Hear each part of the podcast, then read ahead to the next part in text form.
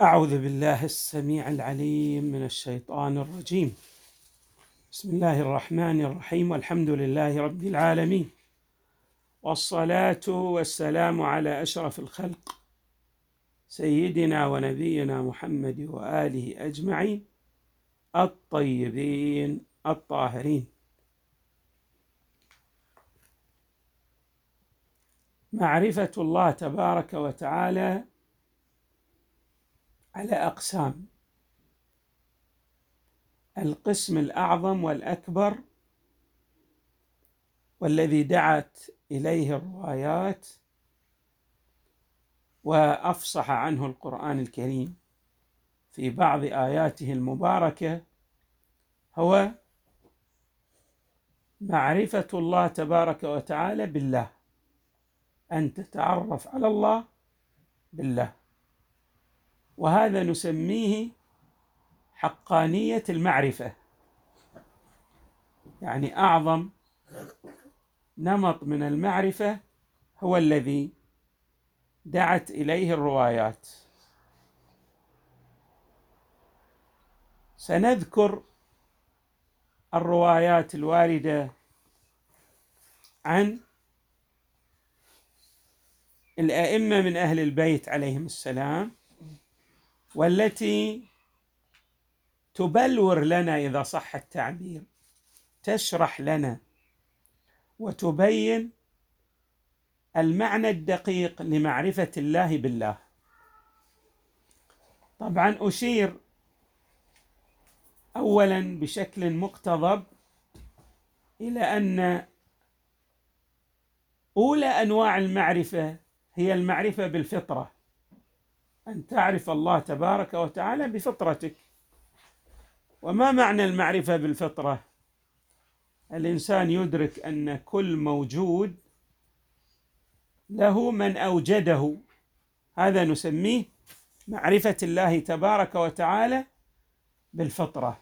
مثل إذا رأيت بيتا تعلم أن هناك مصمم لهذا البيت وهناك أيضا عمال بناؤون قاموا ببناء هذا البيت هذه نسميها المعرفة الفطرية.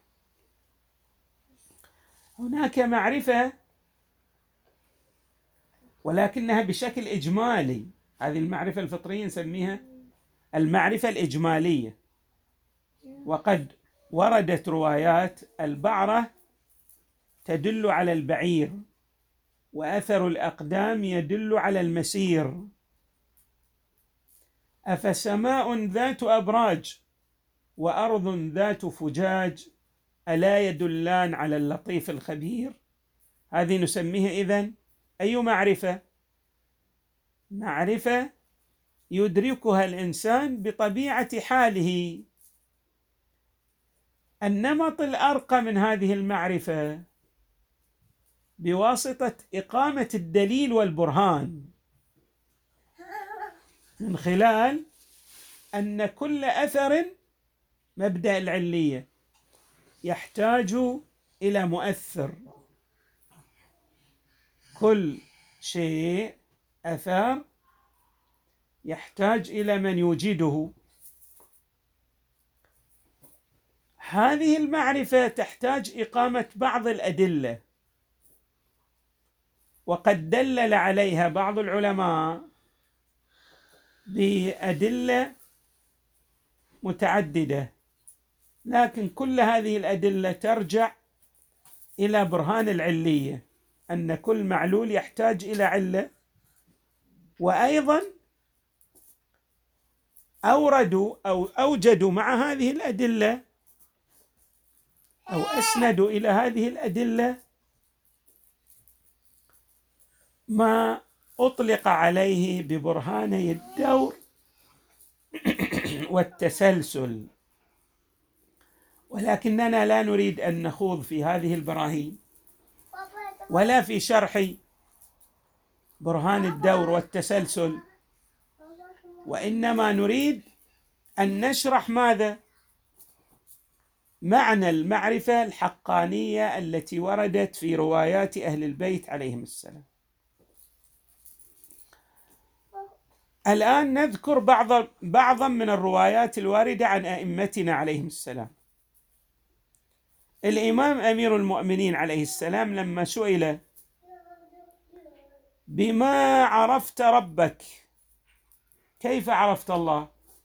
أجاب عليه السلام بما عرفني نفسه. قيل له وكيف ذلك؟ يعني وكيف عرفك نفسه؟ قال لا يشبهه صورة ولا يحس بالحواس ولا يقاس بالناس. وجود الحق تبارك وتعالى لا تشبهه صورة من الصور ولا يدرك بحاسة من الحواس. يعني هو مسموع أو ملموس أو مسموم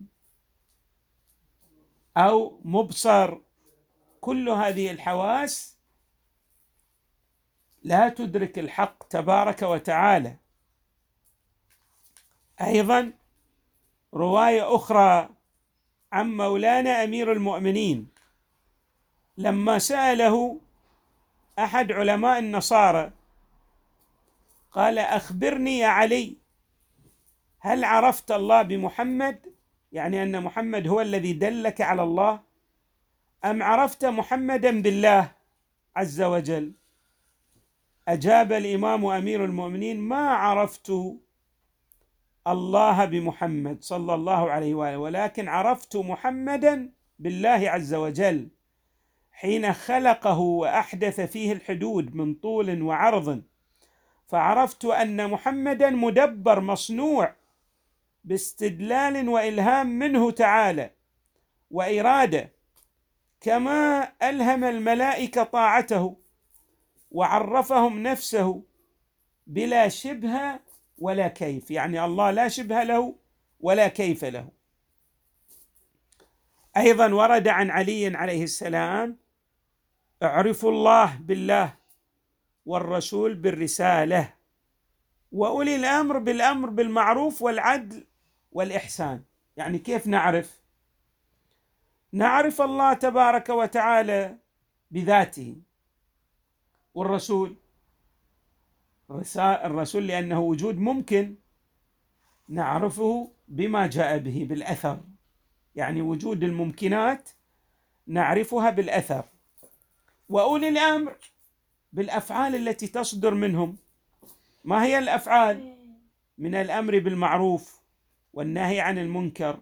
والعدل والإحسان والاستقامة وما إلى ذلك من الأمور. اذا هذه الروايات الواردة عن علي عليه السلام تبين لنا الكيفية الحقيقية لمعرفة الله تبارك وتعالى. أيضا في رواية عن إمامنا الصادق عليه السلام قال من زعم أنه يعرف الله بحجاب أو بصورة أو بمثال فهو مشرك لأن الحجاب والمثال والصورة غيره هي غير الله. حجاب مو هو الله وإنما هو إله واحد موحد. فكيف يوحد من زعم أنه عرف الله بغيره؟ يعني ما يصل إلى المرتبة العالية من التوحيد.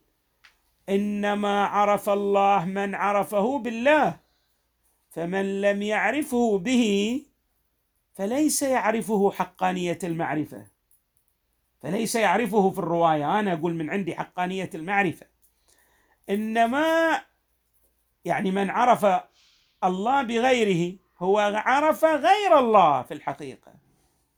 ثم قال الإمام عليه السلام لا يدرك مخلوق شيئا إلا بالله ولا تدرك معرفة الله إلا بالله. يعني ما يصل الإنسان إلى عمق المعرفة لله تبارك وتعالى إلا من خلال ماذا؟ الله تبارك وتعالى هو الذي يوصله إلى هذه المعرفة وهو أيضا يدرك بعقله. وبقلبه أن الله تبارك وتعالى ماذا؟ يتجلى له. يعرف الله تبارك وتعالى بالله. طيب. الآن نريد أن نأتي بشرح لأحد علمائنا القدماء لمعرفة الله بالله. الصدوق رحمه الله وهو من الرواة الكبار قال رضوان الله تعالى عليه بعد ذكره لأحاديث للأحاديث الواردة في معرفة الله قال إن الله عز وجل لا يعرف إلا به. والقول الصواب في هذا الباب هو أن يقال عرفنا الله بالله لأن إن عرفناه بعقولنا فهو عز وجل هو واهب العقول. واهب العقول.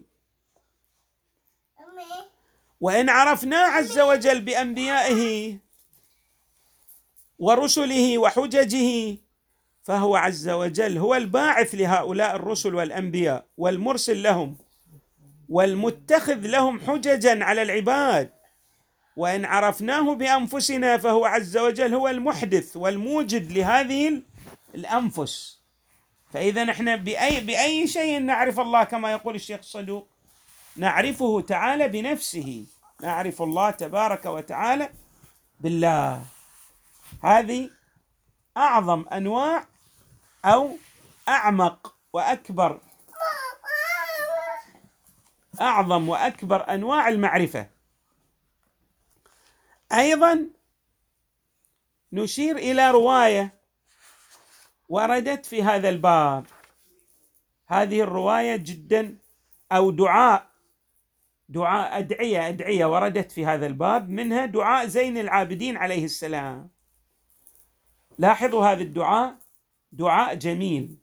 يقول الإمام عليه السلام بك عرفتك وأنت دللتني عليك ودعوتني إليك ولولا أنت لم ادري ما أنت. يعني كيف عرفنا الله؟ كما يقول الإمام بالله تبارك وتعالى وهو الذي دلنا على معرفته ودعانا إلى هذه المعرفة ولولا أنه دلنا على معرفته لم نصل إلى هذه المعرفة.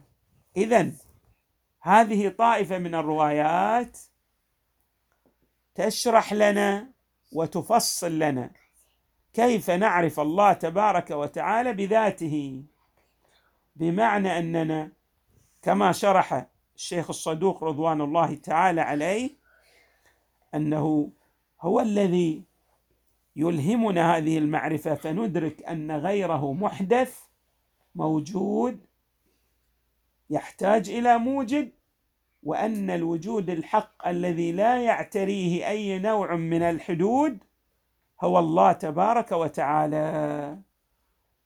هذه نطلق عليها عمق المعرفة في الرواية أو حقانية المعرفة. نسأل الله تبارك وتعالى أن يلهمنا معرفته الحقه وأن يجعلنا مع أوليائه محمد وآله البررة الميامين في الدنيا والآخرة.